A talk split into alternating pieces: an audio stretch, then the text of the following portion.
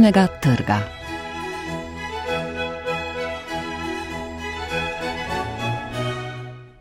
Dobr dan.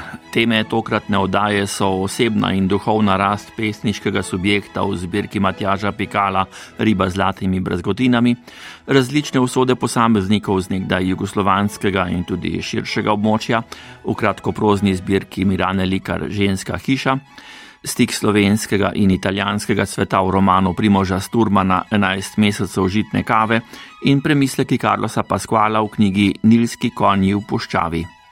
Recenzije so napisali Marija Švajcer, Miša Gams, Matej Bogataj in Katarina Mahnič.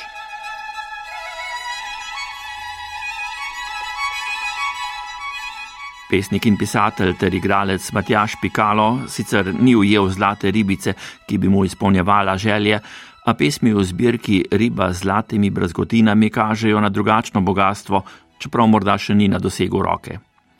V njegovo subtilno poezijo v knjigi, ki jo je v knjižni zbirki Sončnica Osanora od svetlobe izdalo književno društvo Hiša poezije, se je poglobila Marija Švajcer. Pesniško zbirko Matjaža Pikala, Riba z zlatimi brezgotinami, bi bilo mogoče uvrstiti med pisanje, ki v verzih govori o osebni rasti in duhovnosti. Navdihnjen z njihovo modrostjo sporoča, da čuti, kako se mu odpirajo vrata v nov svet. Vesolje vidi kot svoj dom in ve, da so ljudje veliko več kot življenje samo. Vse, kar je, je ustvarjeno iz ljubezni. Ljubezen je življenje samo. Ko se izmojstrimo v ljubezni, se uskladimo z duhom življenja, ki veje skozi nas. Tedaj nismo več telo, um in duša, tedaj smo samo še ljubezen. In tako se je mogoče znova pridobiti božanstvo in postati eno z Bogom. Poet o sebi pravi, da je le kolesce v stroju, ki se mu reče eno, samo tako se lahko vrti svet z njim ali brez njega. Ukaže si, da ne sme biti trmast in se upirati, kajti močni in nasilni ljudje, tako predvideva, umirajo prezgodnje smrti. Želi si, da bi se zabadanje v njegovo vudujsko ljudko nehalo in priseže, da bo tedaj postal boljši človek. Gospod naj ga očisti vsega zla in postal bo resnica, toda resnica je zanj tudi morje. Resničnost valov pripada trenutku in se z njim vred izgublja, kot jaz, ki se vedno znova izgubljam, da bi se našel v trenutku. S kančkom humorja priznava, da ima v sebi razbrzdano opico. Rad bi jo obvladal, tudi to ne bo lahko, saj je opica v njem vsa podivjana, brez prestanka razgraja, kot bi jo napadel sam hudič. Pesnika z opico v sebi pomiri šele mojster, ki mu pravi, da lahko postane merilo sveta, če pozna svetlobo in ohrani temino. Domisli se, da je sreča doma v opazovanju zvezdnega neba. In kaj je tisto, s čimer nas pesnik očara kot umetnik? Predvsem posebna ženska energija, igrivost in humor. V ciklu Riba z zlatimi brazgotinami, ki je na začetku pesniške zbirke, večkrat govori skozi ženska usta. Veliko je nagovorov, spodbud, napotkov in nasvetov, pa tudi očitkov. Izražanje občutkov je nazorno in iskreno. Ženska pravi, da je moški prišel zato, da bi ji pomagal nositi njen križ, ne da bi ga zato prosila. Ne dovoli si, da bi se van zaljubila. Nočem, da se ti smilim. Spravi me v žep, poleg svojega srca, in me kdaj pa kdaj pobožaj. Naj bom tvoja prisrčnica. V igrivost udira nekaj hudega. Ženska se zdravi na onkološkem inštitutu pravi, da se bo pobrila na balin, naredili jih bodo nove prsti. Čefurka je in izbrisana, otroka ji je vzel Bog. Vseeno je za njo še veliko možnosti, z moškim lahko napišeta knjigo, pesmi, kar nekaj scenarijev in najlepšo ljubezensko zgodbo. Matjaš Pikalo je zbirko Riba z zlatimi brazgotinami, kot je zapisano na začetku, posvetil KK. Iz stihov je vse bo mogoče prepoznati, To je znana novinarka in pisateljica prvenca, avtorica, ki objavlja kolumne in druga besedila v revijalnem tisku, ter se kot komentatorka pojavlja v televizijskih oddajah. Na spletu so tudi intervjuji, v katerih razgrne svojo življenjsko zgodbo in spopadanje z boleznijo. A naj ostane pri KK. Moški je prazen, utrujen in hladen, igra svoj blues in si ženske ne poželi, ta ga spodbuja naj odpre oči, potem bo vse povsod videl ljubezen. Ostaja sama svoja in ne mara dežele, ki jo je izbrisala, iznenada pa si prizna, da je pravzaprav izbrisala samo sebe. Njeno telo še vedno govori s svojim jezikom in se v strasti združi z moškim. To srečanje bo pripomoglo, da bo leta spoznal svojo duhovnost. Še gavo mu navrže: Ženske nismo komplicirane, smo samo muhaste. Primerja se z reko, moški pa je v njenih očeh ponikalnica, prikaže se, ponikne in se izlije v morje, je in ga hkrati ni. Ženska se odpravi v samostan in izveza zgodbo o sveti Katarini in njeni izgubi otroka. Moški je kot deček, ki ni nikoli odrastel. Neprizanesljivo mu navrže: Rad bi bil kot kak guru. Puščaš si brado, zgledaš kot kozu. Meketaš, ne govoriš. Šipko moralo imaš, kruh režeš samo zase. Na koncu zbirke Riba z zlatimi brezgotinami se pesnik na kratko predstavi, da je pesniška duša, ukvarja pa se še z drugimi umetniškimi panogami. Delal je v cirkusu, vrtu in zaporu, ne nazadnje tudi na radiju, igra na harmoniko in poje. V pesmi, po kateri je zbirka dobila naslov, Matjaš Pikalo pravi, da se lepota skriva v nepopolnostih, v tistem, kar je krhko, minljivo in poškodovano. Zbirka bo pritegnila bralke in bralce, ki hočejo prodreti v globino življenja, se ozirati proti vesolju in hkrati občutiti čisto preprosto radoživost in predanost trenutkom.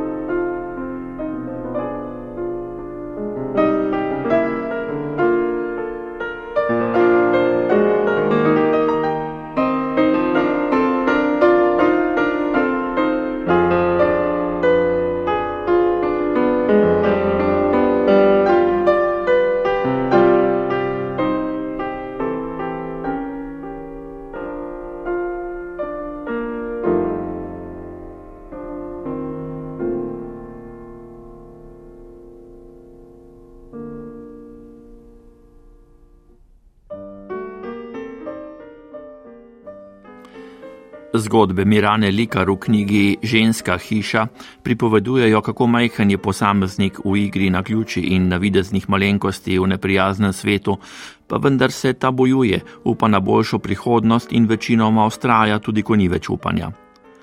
Zbirko je izdala založba Goga, ocenjujejo Miša Gams.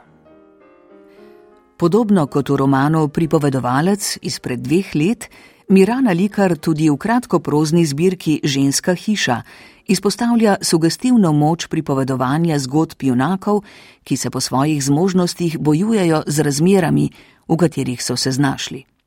Nekateri se iz tujine vračajo na povojna območja, ki so jih v želji po mirnem življenju zapustili, drugi iščejo družinske korenine, tretji se v lastni državi počutijo kot tujci brez možnosti za zaslužek. Tako mlad črnogorski par v zgodbi z naslovom Samostan ugotavlja, da bi že za popravilo enega zoba morala delati vsaj 50 ur, vendar na vasi, kjer živita, frizerske storitve od vekomaj plačujejo le z blagovno menjavo, v mestih pa ni ne stanovanj, ne redne zaposlitve, saj se na ta način vzpostavlja trg podplačane delovne sile, ki je za delodajalce najugodnejša. Ne moremo živeti, ker nimamo kje živeti. Za nas ni služb in ker ni služb, ni stanovanj. Da služb ni je sistematično, ugrajeno v sistem.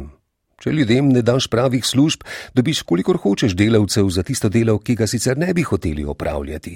In lahko jim ga tudi plačaš po lastni presoji, v najnem primeru po en evro na uro.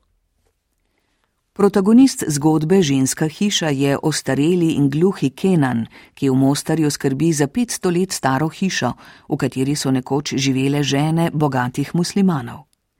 Ker je med vojno s srpsko ženo in hčerko pobegnil na Švedsko, ga so meščani gledajo s prezirom, sam pa v tišini goji vrtnice za ratluk in čaka na obisk odraščajoče hčerke, s katero sta v otroštvu skupaj prebirala zgodbe.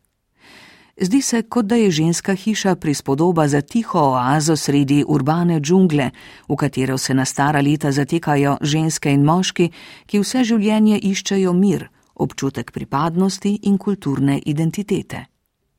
Užaloščeni bošnjak tako v nekem trenutku izjavi: Jaz nisem imel nobenih svojih. Do mene so prišli glasovi, da me imajo naši, če so bili muslimani, naši, na piki zaradi srpske žene. Srbi me niso marali, ker sem bil za nje musliman, Hrvati so bili proti meni zaradi obojega. Drugi so mi določili, kaj sem, jaz do takrat sploh nisem imel pojma o ničemer. Zdaj sem najbrž določen, da sem musliman, a spet ne čisto pravi. In v nadaljevanju? Kaj je zdaj ta moja hči, srbkinja, muslimanka, švedinja? Ne vem, ker je ne morem vprašati, pa bi jo rad. Protagonist zgodbe osem brontozaurovih kosti je sirota, ki so si ga vse otroštvo podajali številni rejniki, ki so v njem iskali priložnost za zaslužek. Medtem ko drugi spijo, on obuja spomine in sestavlja osem brontozavrskih kosti, ki jih v mislih meče po vedeževalski plošči. Twain je napisal, da je življenjepis Williama iz Stratforda podoben sohi brontozaura iz Pariškega muzeja. Vzameš osem pravih kosti oziroma preverljivih podatkov in jih zaliješ šestotimi vedri mavca, miti, legendami, bla blaji, špekulacijami, nakladanji in dobiš nekaj, v kar hočejo verjeti vsi. Protagonistka zgodbe Krini voda pa ravno nasprotno obuja spomine na posvojitev partnerjevih otrok in se potihem sprašuje, kako to, da je dopustila možu, da jo je prepričal, da ne potrebuje svojih otrok. V zgodbi z naslovom Parada se mama in njen triletni sin odpravljata s podzemno železnico na parado ponosa, vš čas pa se mama trudi na sinka obesiti transparent in nevrotično ponavlja frazo o spoštovanju pravic vseh ljudi.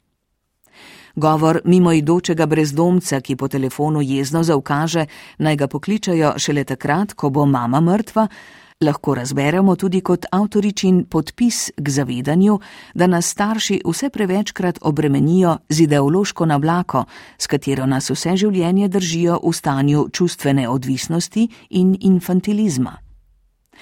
Ali se je kaj podobnega zgodilo tudi stranskemu liku, ki v zgodbi Dionizovi prašički stori samomor, lahko bralec le zasluti skozi pripoved o dveh študentkah, ki se odpravita na pustni karneval v Maastrichtu, ne da bi se zavedali, da vsako njuno najmanjše dejanje za seboj povleče drastične posledice. V zgodbi pretrgane niti, ki se odvija na področju nekdanje Jugoslavije, pa se bralec skupaj s tretje osebnim opazovalcem sprašuje, kako neki bi se odvrtela zgodba o generalu Jugoslovanske ljudske armade in njegovem sinu, če bi mu slednji ob prvi priložnosti vrnil udarec. Čeprav glavni junaki v zbirki Ženska hiša niso načelni, suvereni in prepričani v svoj prav, in se včasih celo zdi, da bežijo pred zdravim razumom in odgovornostjo, pa bravcu vendarle dajo veliko misliti o tem, kako vsaka drobna poteza povleče za sabo preobrate, ki spremenijo življenje njim, njihovim najbližjim in celo neznancem, za katere se zdi, da z njimi nimajo povezave. Zaradi številnih detajlov, ki jih Mirana Likar sproti tke v dramaturško okostje svojih zgodb, mora bralec uložiti precej napora, da sledi rdeči niti pripovedi. Dodatna težava je lahko tudi kompleksen stil pripovedi, Zgodba pretrgani niti je naprimer sestavljena iz pisma in fragmentarnega opisa posameznih protagonistov in njihovih doživetij. Zgodba Krini voda je napisana v drugi osebi ednine in vključuje vipavsko in zagorsko narečje, medtem ko je zgodba Parada napisana v prvi osebi množine. Likarjeva se rada poigrava z različnimi tehnikami pripovedi in stilističnimi izzivi, čeprav najbolj zvesto sledi asociativnemu toku zavesti. Ta se kaže v kratkih in odsekanih stavkih, s katerimi na inovativen način upelje protagoniste v zgodbo, ki nam šele nekje na sredini razkrije kraj, čas in ostale okoliščine nastanka. Po kratkoproznih zbirkah Mirane Likar, sobotne zgodbe, sedem besed in glasovi, je ženska hiša brez dvoma knjiga, ki bo pritegnila še tako zahtevnega bralca.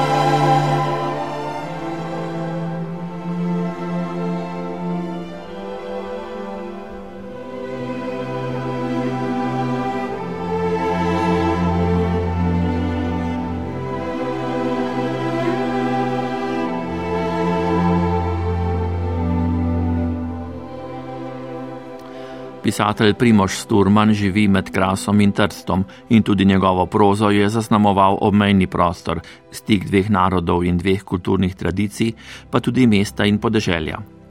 V ta prostor je umeščeno tudi dogajanje v romanu 11 mesecev žitne kave. Izdala ga je založba Litera, ocenjuje ga Matej Bogataj. Primož Sturman je premišljevalec meje tudi v literaturi, na kar kaže že naslov prvenca zbirke sedmih kratkih zgodb Gorica je naša. Naslov je seveda parafraza tistega borbenega in mobilizacijskega gesla od množičnih dogodkov, s katerim so osvoboditelji Trsta v obdobju povojne razdelitve slovenskega tržaškega ozemlja v imenu te osvoboditve, pa tudi etnične sestave, zahtevali naj pripade Jugoslaviji oziroma Sloveniji vendar pa je borbeno geslo pri Sturmanu, tako kot že v slovenskem filmu Trst je naš, osmešeno.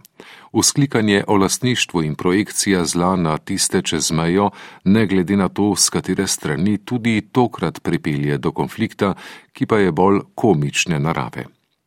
Podobno je narodno brambovstvo osmešeno tudi v prozi Dušela Jelinčiča, Tam se v tržaških zgodbah spomin na preganjane sproži pri starem veteranu in domoljubu, ki ima spomina že zelo malo.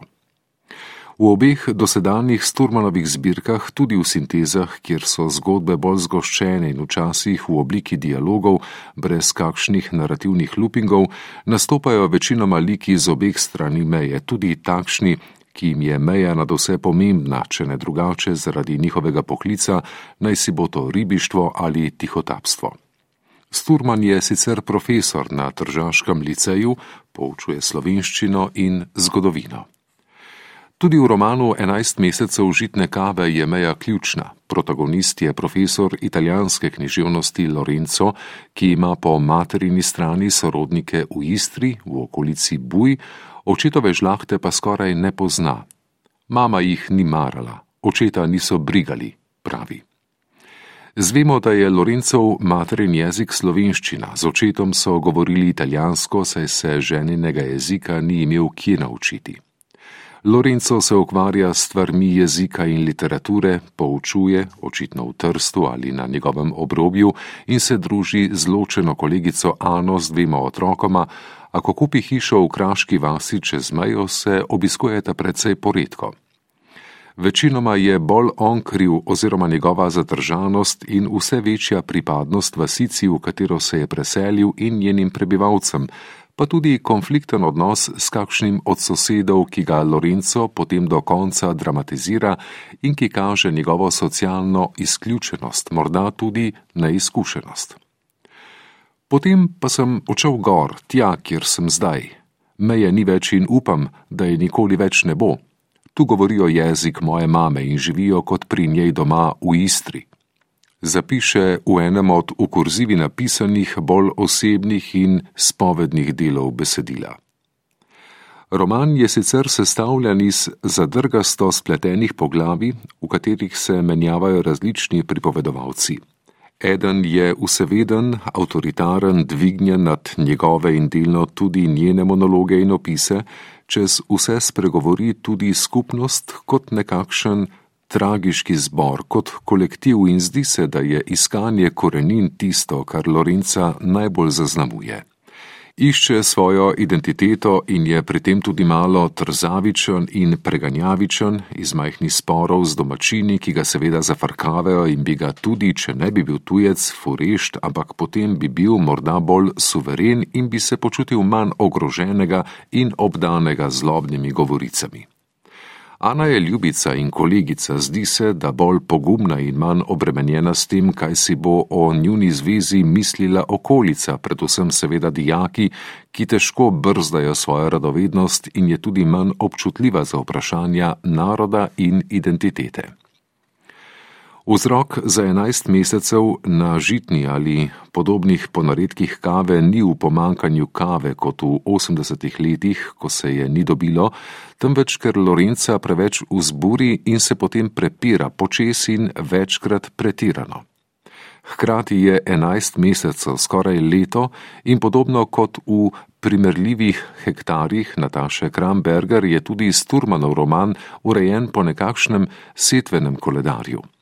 Lorenca spremljamo od sajenja trd do postavljanja mlaja, sajenja in zakopavanja krompirja, zaključi se s krčenjem zaraščene poti do bližnjega vinarja in zdi se, da se vse bolj vključuje v skupnost in njene rituale, saj posluša, kdaj so lunini cikli najbolj ugodni za posamezna upravila. Poskuša pripadati, najti hoče stik z ljudmi in zemljo, se vklopiti v naravne cikle, Na eni strani imamo tako malce dolgovezna poročila z redovalnih konferenc in popravnih izpitov, torej nekaj zborničnih banalnosti, na drugi strani skoraj ljudomrzen odhod na podeželje in poskus vključevanja v novo slovensko skupnost. Poskus zaenkrat negotovim izidom. Sturman se pogosto zagozdi v popisih del na podeželju in drobnih klepetov s kraškimi lokalci, poleg italijanščine iz šole je ob nekakšnem objektivnem govoru prisotna tudi klena, radikalno zapisana primorščina oziroma kraški dialekt.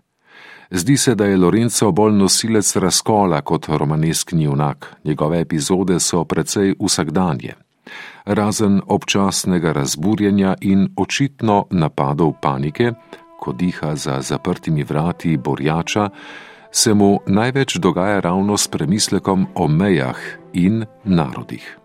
Čeprav na koncu vzame motorko in sekačo in se bo očitno prebil iz delne letargije in občutka tujosti nepripadnosti.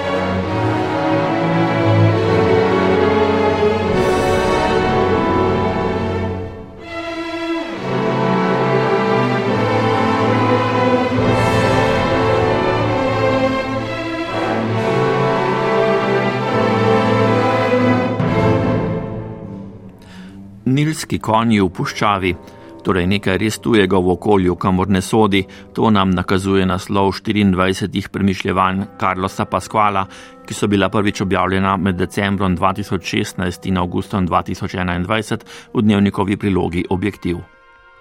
Kot vsa njegova besedila je tudi ta prevedla Mojca Medveček, knjigo je izdala založba Mladinska knjiga, posvetila se ji je Katarina Mahnič. Pogosto se mi zdijo knjige znanih in malo manj znanih ustvarjalcev, sestavljene iz njihovih zbranih kolumen in raznoraznih člankov, nekakšno recikliranje. Kot da je treba zgrabiti trenutek, kovati železo, dokler je vroče, tako se mi zdijo. Ne zasluži si ravno vsak dnevni ali tedenski zapis, da je ohranjen v knjigi, včasih zaradi kakovosti mimo grede napisanega, včasih zaradi potrošnosti te aktualnosti. Carlos Pascual je ena od izjem, ki potrjujejo pravilo. Mehičan, ki že več kot desetletje živi v Sloveniji in ni, po njegovih besedah, nikjer na svetu tako težko vzpostavil novega življenja kot v Ljubljani, je prav na naših tleh resnično zasijal kot pisatelj.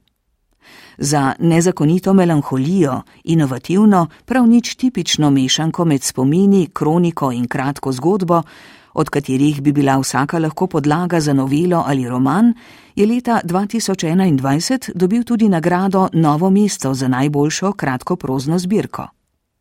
Prav zaradi ubrane raznorodnosti gradiva in vešče porazdelitve, besedila si ne sledijo po datumih, kot so izhajala v časopisu, tudi nilski konji v puščavi delujejo kot celota z rdečo nitjo. Aha.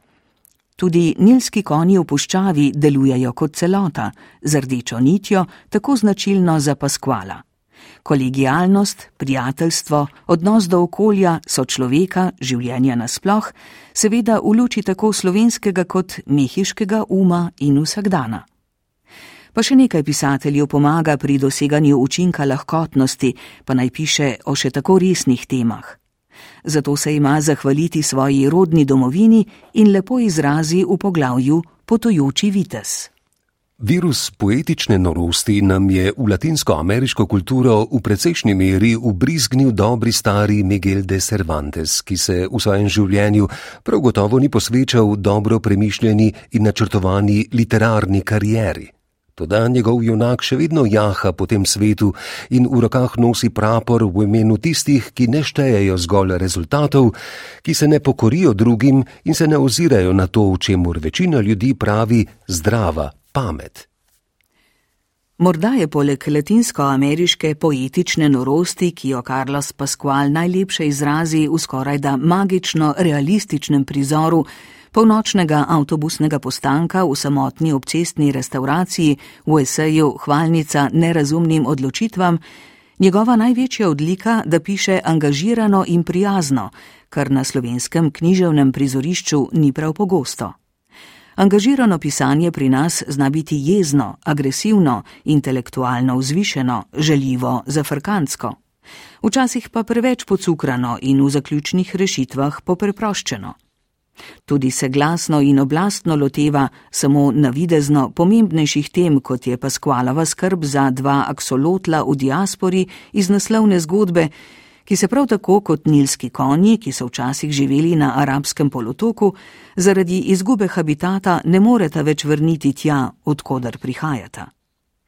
Odličen ekološki diskurs o uničevanju našega planeta z bežnim pomenljivim vprašanjem. Koliko mojih sosedov se, prav tako kot aksolotla v akvariju, vsak dan vedno znova zaletava ob steklene stene svojega bivanja?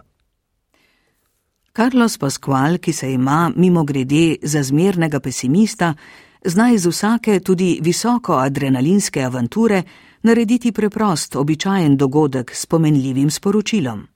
Nič ni podučevanja, nič venmetanja, češ kaj jaz vse vem in kaj vse sem doživel. Pomaga mu seveda tudi izostren pogled tujca na slovenske družbene in gospodarske razmere, ki pa nikoli ni v ospredju. Še vedno so to zgodbe, resnični dogodki in resnični ljudje, ob katerih pisatelj premisli in zapiše marsikatero modro in s humorjem obarvano misel, ki pa zadine bolj kot ne vem kakšno žuganje s prstom.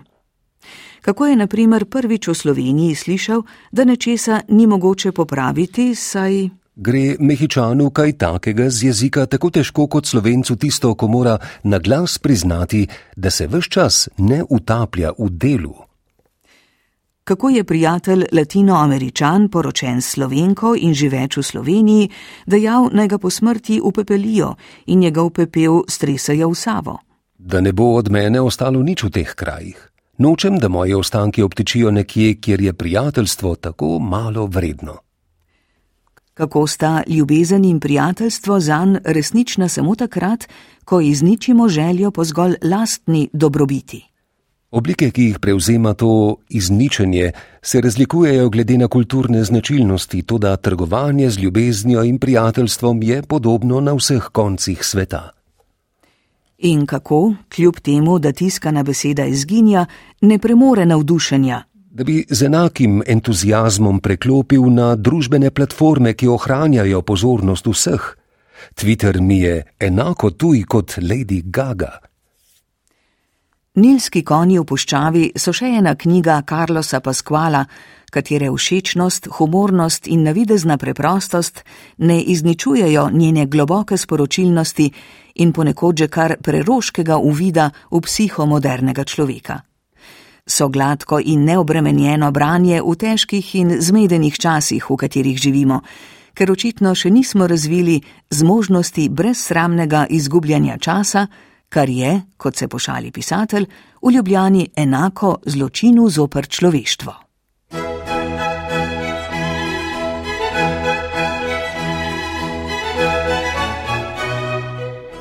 Poslušali ste oddajo z knjižnega trga. Recenzije Marije Švajcer, Miše Gams, Mateja Bogataja in Katarina Mahnič so prebrali Igor Velše, Eva Longika Marušič in Aleksandr Golja. Glasbo je izbrala Alma Kožel, oddajo je posnel Vjekoslav Mikec, uredil sem jo Vlado Motnikar.